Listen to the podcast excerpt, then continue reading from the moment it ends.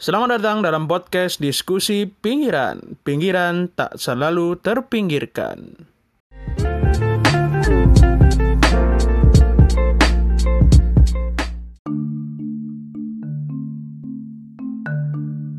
Assalamualaikum, kembali lagi di podcast diskusi pinggiran. Kali ini kita akan masih membahas tentang pemilu AS 2020 ya pemilu ini cukup banyak drama karena uh, presiden calon presiden petahana kemudian tidak menerima uh, kemenangan dari lawannya yaitu Trump uh, presiden petahana uh, calon presiden petahana dia tidak menerima kemenangan uh, Joe Biden wakilnya dari uh, Partai Demokrat.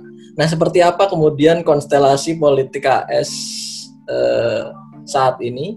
Nah, kita akan membahasnya bersama Rizal Alfami teman saya dan Mas Uga Yuga Reksa. Uh, ya, jadi uh, bagaimana Jal? Ini menurut pendapat Rizal setelah terpilihnya Trump ini kemudian uh, apa kemungkinan yang akan terjadi ke depan gitu ketika Trump tidak menerima hasil pemilihan umum 2020 ini? Aduh, ini uh, apa yang akan terjadi ya? Oh, ini prediksi-prediksi. Uh, Kalau prediksi sih ya berkaca pada uh, negara yang pernah mengalami hal yang serupa gitu ya. Ada yang maksudnya uh, ada klaim kemenangan lain gitu ya dari pihak yang satunya. Ya yang pertama yang pertama pasti eh, ini dulu apa namanya biasa uh, uh, apa namanya masanya demo-demo dulu gitu ya. Yang akan terjadi seperti itu. Terus juga pasti akan uh, menggugat uh, mencoba untuk menghitung ini sendiri gitu. Ada menghitung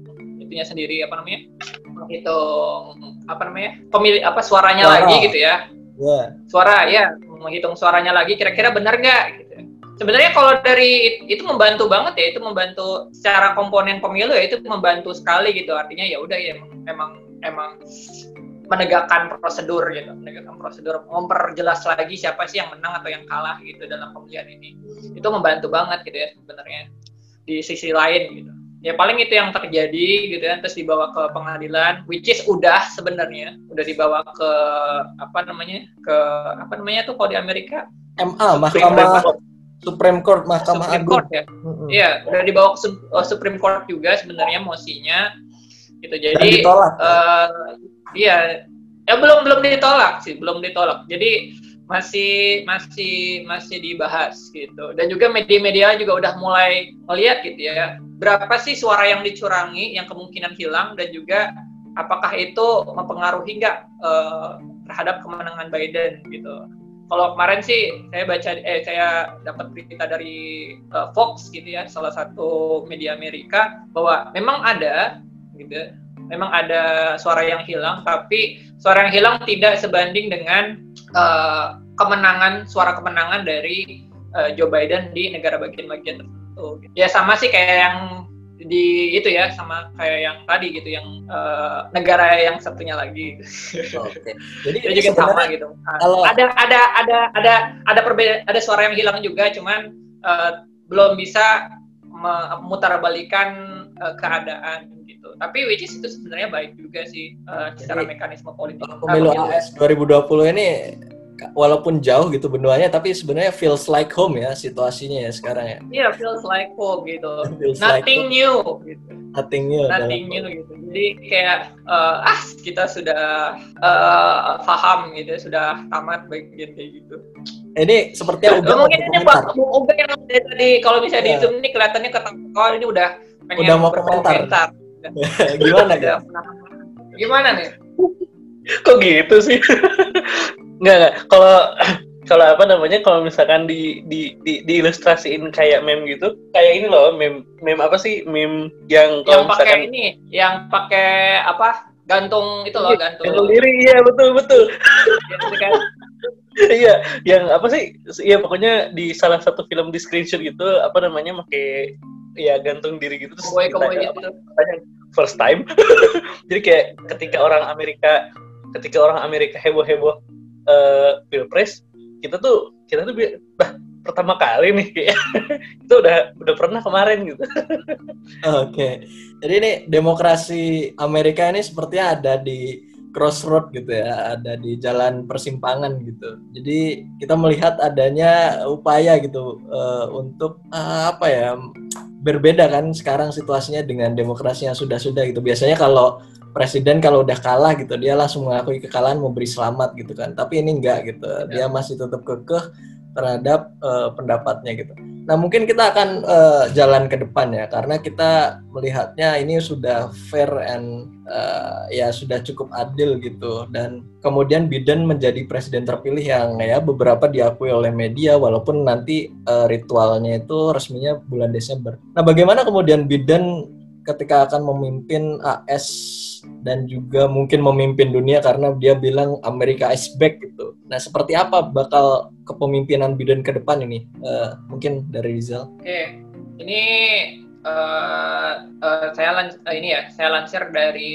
uh, kampanyenya Joe Biden gitu di beberapa media. Kalau teman-teman cari di website kampanyenya sebenarnya udah nggak bisa ya, soalnya mungkin karena pemilihan jadi udah ditutup website kampanyenya. Jadi bisa dilihat di media. Iya, jadi bisa dilihat di media uh, apa sih yang sebenarnya pengen dibawa Joe Biden gitu ya. Sebenarnya kalau teman-teman yang newbie gitu ya terkait terhadap politik Amerika sebenarnya gampang apa sih yang dibawa oleh si calon ini adalah kamu lihat dulu calon lainnya gitu. Calon lainnya itu apa? Kamu paham banget calon yang lawannya. Calon yang satunya lagi itu pasti kebalikannya. Itu aja sebenarnya itu. Jadi uh, apa namanya? Joe Biden ini sebenarnya tadi ya uh, sempat disinggung di episode sebelumnya gitu ya karena uh, beliau adalah vice presidennya waktu zaman Barack Obama, Bapak Barack Obama. Terus juga apa namanya concern terhadap isu kesehatan, concern isu terhadap isu terhadap uh, kerjasama antar negara. Jadi yang akan dibawa kemungkinan adalah hal tersebut. Gitu. Jadi uh, Joe Biden ini ingin mengembalikan reputasi Amerika. Jadi Amerika itu adalah uh, negara yang sangat inklusif gitu ya, negara yang sangat terbuka untuk menjalin kerjasama gitu. Jadi nggak bakal ada. Biasanya kan kalau kita lihat kemarin Donald Trump itu lebih strict gitu ya, tegas gitu. Wah, gua ini nggak menguntungkan gua keluar. Gitu. Wah ini nggak menguntungkan gua keluar. Gitu. Wah ini nggak menguntungkan gua keluar. Gitu. Jadi sekarang uh, lebih lebih terbuka gitu ya, lebih terbuka terhadap kerjasama kerjasama baru gitu ya. Meskipun meskipun kalau dilansir dari BBC gitu ya, reaksi antar negara ini beda-beda dan kebanyakan ya yang saya lihat itu malah lebih senangnya Trump gitu. Jadi contohnya apa jalan misalnya Trump. Mungkin bisa diberikan contoh yang senang Trump? Iya, jadi yang senang Trump itu banyak ternyata. Ini uh, dari BBC itu pertama kayak Arab, gitu ya. Arab. ya. Arab tuh senang Arab, banget Arab. tuh sama Donald Trump karena Arab uh, mana nih? Arab, Arab, Arab Saudi, Saudi atau Arab Syria? Saudi. Arab Saudi. Uh, Soalnya kan Trump uh, dekat sama salah satu pangeran Arab, terus juga bantu banget uh, Saudi di konflik Yaman gitu ya. Jadi sekarang Joe Biden jadi wah uh, mikir-mikir uh, lagi gitu ya. Kira-kira Kirain Arabnya Arab ini Arab Wadia. Waduh. Ini mbak ini bisa apa tahu barang uh, barangkali nggak ada yang tahu nih Arab Wadia apa nih? Udah nanti nonton sendiri itu. Nanti nonton dari, sendiri lah ya jadi ada ya nanti bahasa gitu. negara Terus Wadia. ada dari Rusia juga Rusia lebih senangnya Donald Trump okay. gitu ternyata ada dari BBC karena uh, apa ya Donald Trump itu meskipun apa ya uh, kelihatannya aktif terus juga terlalu ekstrim gitu ya dalam mengambil kebijakan gitu. Ternyata uh, Donald Trump itu dilihat kayak sebenarnya ya udah dia beliau adalah sosok yang sangat realis, sosok yang sangat uh, apa ya kalau dari segi bisnismen tuh realistis gitu. Kalau nggak untung ya udah nggak nggak mau gitu kan. Jadi nggak ada hal-hal subjektif gitu yang bisa mempengaruhi keputusannya beliau gitu. Dan juga kayaknya kita lebih kenal Trump gitu sosok emosionalnya tuh seperti apa dan bakal aneh-anehnya kayak gimana tuh. Itu udah prediksi anehnya tuh kayak gimana gitu gitu. Jadi sekarang nih Joe Biden baru terus juga mungkin sosoknya kurang terkenal sebelum-sebelumnya. Ya terkenal waktu zaman Barack Obama tapi nggak begitu terkenal banget seterkenal Trump ya sebelum jadi presiden. Itu lebih unpredictable dan orang nggak suka unpredictable loh. Jadi uh, banyak negara yang ternyata reaksinya sebenarnya lebih senang Trump gitu dibandingkan Joe Biden. Cina bahkan lebih senang Trump gitu. Ini lucu nih kalau dari BBC nih ya Cina nih. Cina tuh senang Donald Trump karena kalau misalnya Donald Trump kepilih ya, lebih senang Donald Trump karena uh, Donald Trump itu uh, apa namanya? Cina anggapannya wah di bawah Amerika di bawah Donald Trump super apa namanya? negara besar Amerika itu bakal menurun. Nah, sekarang di bawah Joe Biden bakal naik nih. Waduh. Padahal kan kita kan saingan gitu kan, wah, gitu. Jadi ibaratnya uh, mereka senang keterpurukan negara lain. Gitu. Dan sekarang di bawah arahan baru kayaknya bakal bener. Waduh ini bakal negaranya bisa jadi negara gede lagi nih gitu. Malah Cina ini dilansir di BBC kayak gitu ya. BBC China gitu. Itu malah kurang seneng di bawah eh, jadi memang Cina berhati-hati ya, masih berhati-hati uh, memberikan uh, selamat kepada Biden ya. Kemarin juga di uh, foreign ministry-nya memberikan pernyataan bahwa dia akan mengikuti international practice katanya. Jadi jadi yeah. dia bilang akan mengikuti international practice untuk merespon uh, kemenangan Biden di Amerika gitu. Tapi tidak menjelaskan international practice yang mana gitu. Ya negara-negara lain itu kan kita kita ya, ibaratnya mah lama ibaratnya mah free trial dulu lah, lihat-lihat dulu gitu ya. Ah iya benar. tuh menlu-nya lolos jadi menlu tuh beneran menlu itu. Iya, jadi karena kan dalam dua tahun ke belakang mungkin selama Trump itu kan dengan Cina ini mungkin masih mengalami perang dagang ya dan ke depan ya. mungkin di Biden gitu uh, akan mengalami hal yang serupa juga gitu ketika Biden juga meng mengedepankan kepentingan Amerika gitu. Eh, bagaimana Uga melihat Joe Biden nggak di kancah internasional atau domestik gitu? Ya, uh, kalau kalau saya sebagai sarjana mengutip sama mengutip ini aja ya eh, pendapat-pendapat uh, ahli ya. Jadi PR-PR yang ada di uh, apa namanya yang yang yang dimiliki oleh Amerika itu sebenarnya ada di tangannya Biden. Cuma uh, memang kalau misalkan di pemilu kebijakannya itu sangat kayak itu kata kata Rizal ya berseberangan. Kalau misalkan Trump kayak gini pasti itu Bidennya berkebalikannya inginnya seperti itu yang yang dikampanyekannya gitu. Tapi uh, di satu sisi banyak yang ngelihat bahwa Amerika tuh nggak bakal nggak bakal ganti haluan se ekstrim itu gitu. Kayak itu yang yang Agaton bilang uh, perang dagang bakal terus terus berlanjut. Terus uh, PR PR Biden di Timur Tengah juga terkait khususnya di apa namanya Israel Palestina itu uh, banyak yang berharap wah Biden pro Islam nih. Kemarin pas lagi kampanye ngomong masya Allah terus sangat dekat lah sama kalangan Muslim. Tapi di satu sisi jangan lupa uh, Kamala Harris itu uh, suaminya adalah seorang Yahudi. Uh, terus apa namanya Joe Biden juga pernah menyetujui invasi Irak. Uh, dan pem, apa namanya kebijakan Amerika untuk misalkan harapannya mindahin kedutaan kedutaan apa namanya uh, apa namanya Amerika dari dari dari eh Israel ya Israel kayak gitu ya yang mendukung mendukung kayak gitu dari Tel Aviv ke Yerusalem gitu. Ya. Hmm, itu apa namanya uh, nggak nggak bakal diprediksi nggak bakal se ekstrim itu karena perlu perlu apa ya perlu perhitungan juga. Jadi kalau misalkan orang ngarep-ngarep kayak dulu Obama eh apa namanya orang-orang orang-orang ya ter, terutama kalangan Muslim gitu ya berharap ke Obama ternyata kan banyak juga dikecewakan gitu. Jadi kayak kebijakannya Amerika Amerika mungkin apa namanya uh, berubah pemimpinnya tapi kebijakannya nggak bakal se ekstrim itu berpindah haluannya. Oke, soal ini saya setuju sih karena dalam manifestonya Biden sempat menyebut dalam uh, opini editorial di Foreign Affairs ya bulan April lalu itu salah satu yang di highlight adalah terkait dia tetap akan memberikan jaminan keamanan di Israel gitu. Jadi setiap uh, presiden itu tetap sama kebijakannya mungkin ya uh, mengenai uh, soal isu Israel ini. Dan dalam editorial tersebut juga disebut eh, alasan-alasan uh, mengenai why Amerika must lead again. Kalau dalam Donald Trump kan uh, dulu itu narasinya adalah Amerika great again gitu. Nah, greatnya dengan caranya seperti apa itu uh, urusan lain gitu dan Trump ini cen lebih cenderung kepada inward looking gitu. Jadi melihat ke dalam, dia tidak peduli dengan apa yang terjadi di dunia internasional, di komunitas internasional. Yang penting negaranya untung gitu. Jadi seperti itu. Hmm. Baik. Kalau di Biden ini mungkin akan uh, lebih momen uh, apa concern terhadap isu-isu internasional dan menegaskan posisi bahwa Amerika itu harus memimpin dunia lagi. Nah, dalam dua dek uh, dalam satu dekade atau dua dekade belakangan ini di kalangan akademisi baik di Asia maupun di Amerika itu cukup concern dengan China Rising atau kebangkitan Cina ini. Nah, bagaimana kemudian uh, Cina ini menjadi perhatian di pemerintahan atau administrasi Joe Biden ke depan ini? Mungkin ada tanggapan dari Rizal atau enggak? Salah satu dulu. Rizal, Rizal. Oh, siapa dulu?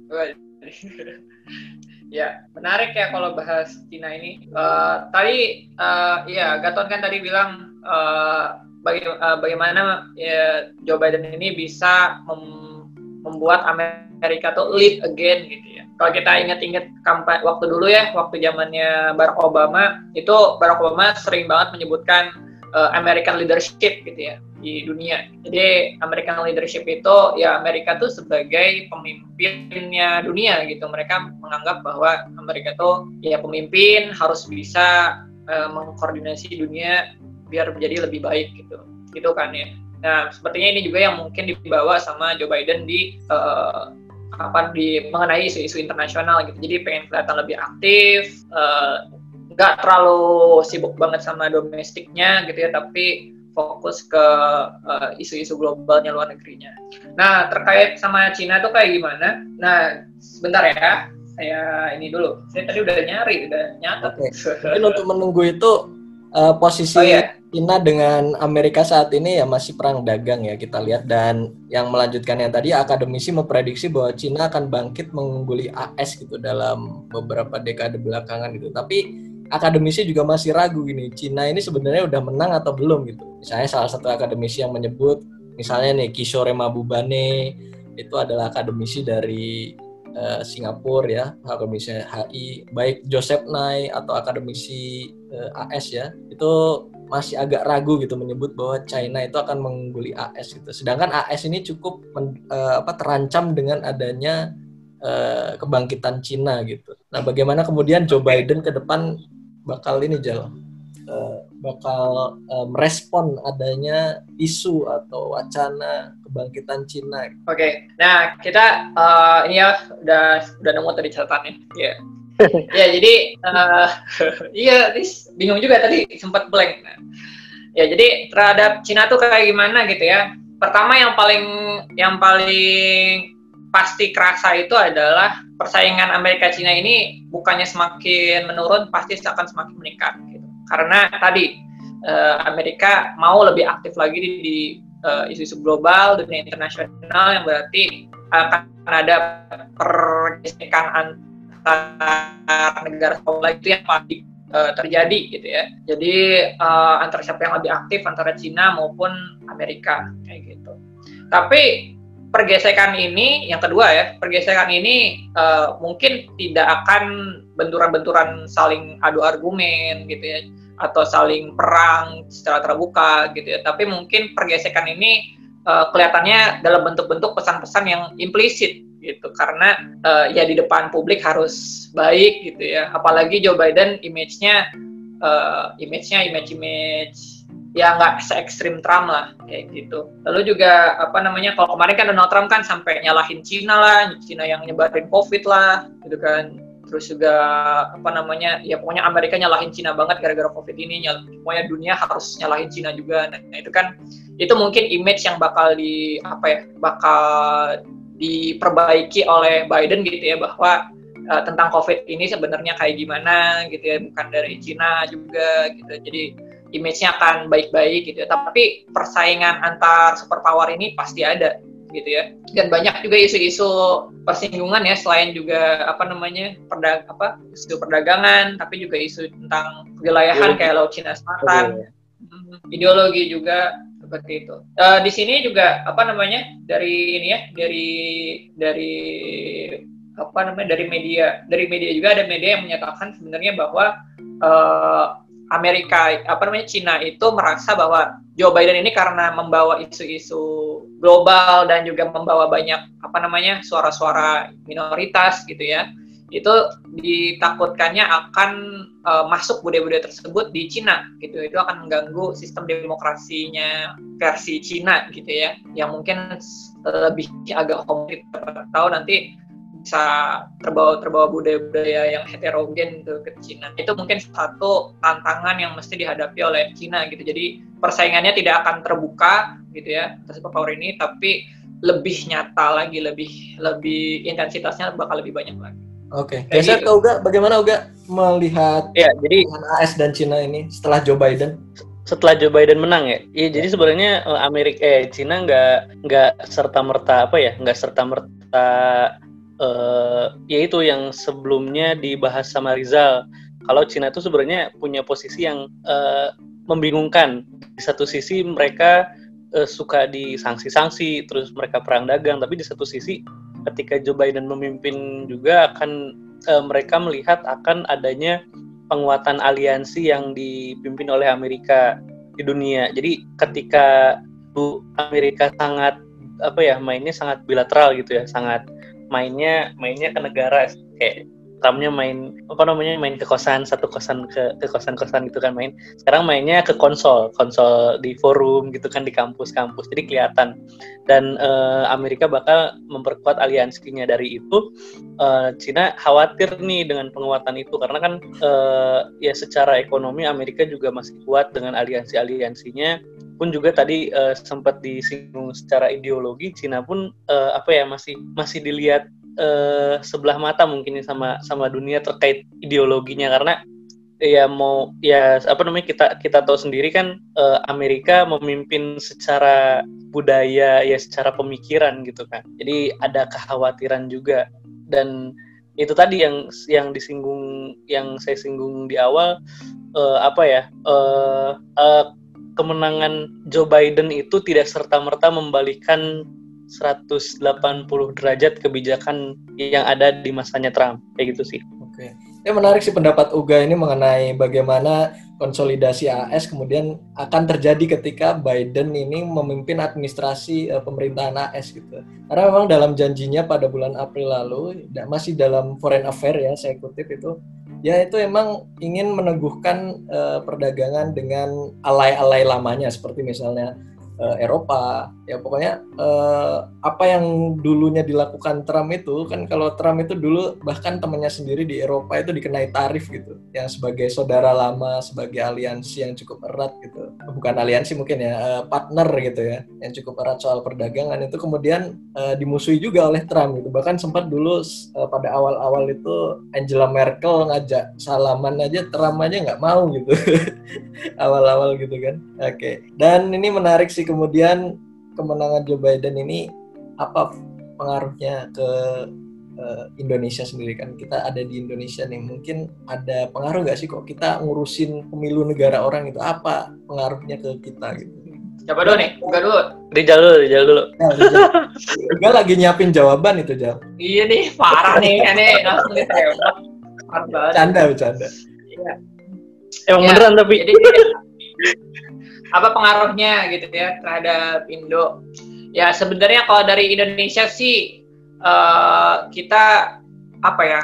eh, kita ya ya oke oke aja sih. Sebenarnya kalau dibilang dari dibilang kita pro Trump atau pro Biden juga kita sebenarnya nggak terlalu nggak terlalu nggak terlalu apa ya nggak terlalu signifikan gitu ya ke Indonesia. Karena memang Indonesia itu eh, nggak dianggap nggak dianggap apa namanya nggak dianggap musuh juga. Dari Amerika nggak juga dianggap sebagai alliance yang begitu terlalu dekat juga enggak gitu. Jadi memang apa namanya nggak terlalu signifikan eh, apa namanya eh, tentang apa yang terjadi di Amerika ini eh, terhadap Indonesia gitu. Tapi tetap aja ada gitu. Contohnya aja adalah eh, terkait dengan eh, status eh, Indonesia sendiri. Jadi kemarin itu kan di akhir-akhir sempat tuh ada Trump tuh eh, atau Amerika Serikat itu menangguhkan Indonesia dalam WTO gitu. Juga dengan statusnya sebagai negara maju gitu. Jadi itu yang lagi di apa namanya digodok-godok gitu dan Amerika menunda-nunda itu gitu. Jadi kan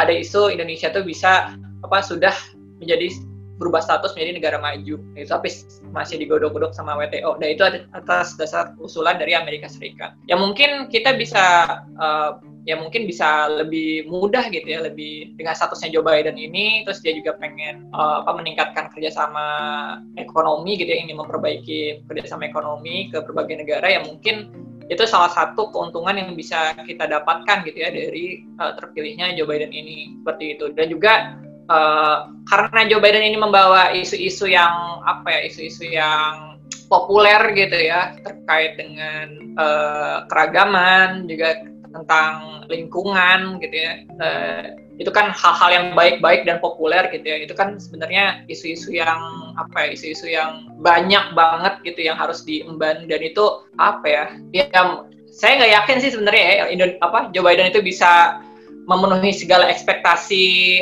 orang-orang yang memilihnya gitu karena ekspektasinya tuh banyak banget untuk seorang presiden gitu untuk untuk bisa uh, apa sebagai representatif atas apa representatif atas isu lingkungan, isu minoritas, isu keragaman, isu migrasi, isu ke humanitarian, perdagangan dan lain gak yakin sih. Tapi mungkin dalam isu perdagangan Indonesia bisa dapat kelebihan dari dari pemilihannya pemilihannya Joe Biden itu. Mungkin Uga ada tambahan mungkin atau ada hal yang lain? Ya, sepakat sih sama Riza. Uh, jadi memang kalau kalau dilihat dari zaman Obama terus zaman Trump tuh uh, kalau menurut menurut menurut saya pemimpin itu bagaimana yang dipimpinnya. Jadi kelihatan gitu orang se se seplural pluralnya uh, Obama kelihatan nih uh, apa namanya kebijakan-kebijakan ke Timur Tengah. Jadi waktu waktu kita yang sempat dibahas tadi berharap sama Obama ter, uh, apa namanya uh, terkait ya orang terkait Indonesia, terkait apa namanya uh, uh, minoritas Islam gitu atau apa negara-negara Islam. Kayak ekspektasinya tuh kayak uh, kasarnya jangan ngarep lah gitu jangan ngarep. Karena Amerika tetaplah Amerika gitu mau mau se kayak gimana pun presidennya kayak gitu. Terus um, kalau untuk di sisi ekonomi sih uh, mungkin dengan multilateralismenya si Joe Biden ya kan pendekatannya uh, apa namanya kalau kita lihat dari zaman zamannya Obama sepertinya Joe Biden lebih sepakat ke multilateralisme ya. Uh, apa namanya di kampanye kampanyenya juga kelihatannya akan cukup atau mungkin apa ya bisa bisa diprediksi bahwa Amerika tuh pengen uh, apa namanya menciptakan sta ke kestabilan gitu, kestabilan terkait ekonomi dan itu uh, menurut saya sih bakal bagus bagi Indonesia karena uh, kestabilan kan uh, mungkin nggak cuma Indonesia ya, tapi kalau misalkan di sisi ekonomi bagi Indonesia akan lebih baik kayak gitu dibanding uh, apa namanya zamannya Donald Trump. Tapi itu sih terkait yang balik tadi yang terkait isu-isu uh, mungkin isu-isu yang low politics ya kayak ham lingkungan yang kayak gitu kayak gitu ya Amerika tetaplah Amerika gitu. Oke Amerika tetaplah Amerika yang mungkin ke depan ini dalam Joe Biden ini akan dihidupkan lagi uh, bagaimana Amerika leading the world ya menjadi world power yang akan memimpin dunia. Harapannya sih ke depan uh, dengan terpilihnya Joe Biden ini tidak akan terjadi perang yang tidak perlu ya karena ada beberapa pihak yang mungkin uh, mengkhawatirkan dan menyiasati uh, ambisi dari Joe Biden untuk memimpin uh, demokrasi Amerika untuk menjadi uh, pemimpin di dunia lagi itu akan menjadikan perang-perang yang tidak perlu gitu. Kalau kita lihat ke hmm. belakang kan Trump itu mungkin agak uh, lebih jarang gitu terlibat perang-perang di luar negeri gitu karena dia merasa bahwa itu hal-hal yang tidak perlu gitu. Nah kita harus uh, ya, salah satu hmm. salah satu itu ya Ton ya salah satu kelebihannya Trump itu fokus ke domestik akhirnya nggak nggak banyak ngikut-ngikut perang gitu. Ya bahkan Kayak Trump ini tapi di satu sisi di satu sisi dengan sikapnya Trump itu kemarin pas lagi ada Cina sama Amerika di laut Cina Utara orang-orang Indonesia mikirnya bakal perang loh di sana Oke, iya iya betul betul sekali. Harapan... Ya kan maksudnya kayak dengan dengan sifatnya yang ya meledak-ledak kayak gitu, iya. kayak nah, memang, kayak orang-orang mikirnya. memang Trump ini agak ini sih unik sih karena dulu zaman uh, di Suriah juga itu sempat meluncurkan rudal gitu tanpa tanpa uh, uh, apa izin dari Kongres kan kalau Amerika mau perang kan harus izin Kongres dulu. Nah itu Amerika tiba-tiba ngirim rudal gitu ke pangkalan militer atau uh, bandar udara ya di Suriah waktu itu. Kalau nggak salah itu menewaskan dua orang sekitar sama 2019 atau 2018 lalu gitu. Sama kasusnya Kasim Sulaimani jangan lupa. Oh iya benar-benar sekali itu. Pembunuhan targeted assassination ya. Jadi kita yeah. melihat ada Trump ini cenderung jarang uh, melihat kebijakan luar negeri sebagai sesuatu yang istilahnya apa ya menjadi yang utama gitu. Tapi kemudian ketika ada yang tidak enak bagi dirinya sendiri gitu oh ini hajar hajar gitu harus dilangsung gitu seperti itu ya harapannya Joe Biden lebih rasional melihat hal-hal semacam ini dan uh, ambisinya itu tidak membuat Amerika menjadi uh, melancarkan perang-perang yang tidak perlu gitu. Apalagi perang berkepanjangan yang tidak pernah berakhir seperti mungkin di Afghanistan, di Libya dan negara-negara lain. Gitu. Itu aja sih mungkin harapan dari saya. Mungkin ada tambahan dari Rizal statement terakhir atau Rizal dan Uga? Uga dulu deh, Uga dulu. Dari tadi aneh mulu ya. nih. Kalau kalau harapannya sih kita sebagai bangsa Indonesia jangan jangan ter, jangan terlalu euforia mungkin ya sama sama siapa yang dipilih sekarang. Mungkin uh, kita seneng bakal ada kebaruan nih uh, di dunia. Karena Amerika kan mau nggak mau dia sup, masih super power ya. Uh, ada kebaruan nih uh, jadi seru aja gitu. Ada, pemain baru presiden baru gitu di uh, untuk super power. Tapi ya kita harus bisa menjadi Indonesia gitu. Jadi punya posisinya sendiri uh, terkait kebijakan kebijakan-kebijakan. Jadi nggak nggak terlalu larut sama sosok tapi ya rasional buat kitanya sendiri. Kalau pejabat mungkin pejabat menlu ya ya pasti paham lah ya terkait kebijakan kebijakan-kebijakan yang rasional kerjasama kerjasama sama Amerika kayak gitu. Tapi mungkin lebih ke euforia masyarakat Indonesia nih ngelihat uh, Joe Biden. Karena kan mungkin uh, ngelihatnya sangat sangat sangat menyentuh kita banget nggak sih ketika dia ngomong masya Allah terus berita-berita Indonesia langsung bikin beritanya tuh di Instagram kan banyak kayak gitu sih lebih okay. ke ya karena karena apa ya itu Amerika tetaplah Amerika dan politik tidak sehitam putih itu. Quote Uga Yuga Reksa 2021 2020 ya? 2020. Gimana Rizal? Semenit ya? Ya, waduh. harapannya uh, jangan terlalu berharap karena Joe Biden mengatasnamakan berbagai kalangan, uh, banyak pihak, banyak kepentingan. Uh, itu satu hal yang mustahil bagi seorang pemimpin untuk bisa uh, menyanggupi semua kepentingan tersebut. Gitu. Pasti banyak, pasti pasti nggak bakal semuanya sih. Gitu. Kita satu-satunya berharap hanyalah kepada Tuhan yang Maha Esa ya, banyak pada Allah. Wah religius sekali Bu Rizal. pada manusia. ya jadi ya maksudnya ya benar kata Uga, setuju jangan terlalu apa berespektasi banyak juga gitu. Kita doakan saja yang terbaik, kita awasi juga. Kita dukung yang bagus dan kita awasi yang nggak bagus-bagusnya. Oke. Demikian uh, diskusi pinggiran kali ini. Terima kasih Bung Uga dan Bung Rizal yang sudah bergabung tentang uh, membahas tentang pemilu AS 2020. Kita berharap uh, dunia akan menjadi lebih baik dengan kepemimpinan Joe Biden dan kita mungkin akan melihat ke depan beberapa bulan ke depan semoga transisi kekuasaan di Amerika itu baik-baik saja. Kita juga melihat mungkin ada kemungkinan Joe Biden akan mengangkat Donald Trump sebagai Menhan, kita juga tidak tahu. Mari kita mari kita tunggu saja ya. Saya Agaton Kensana undur diri. Terima kasih. Sampai jumpa di podcast diskusi pinggiran selanjutnya.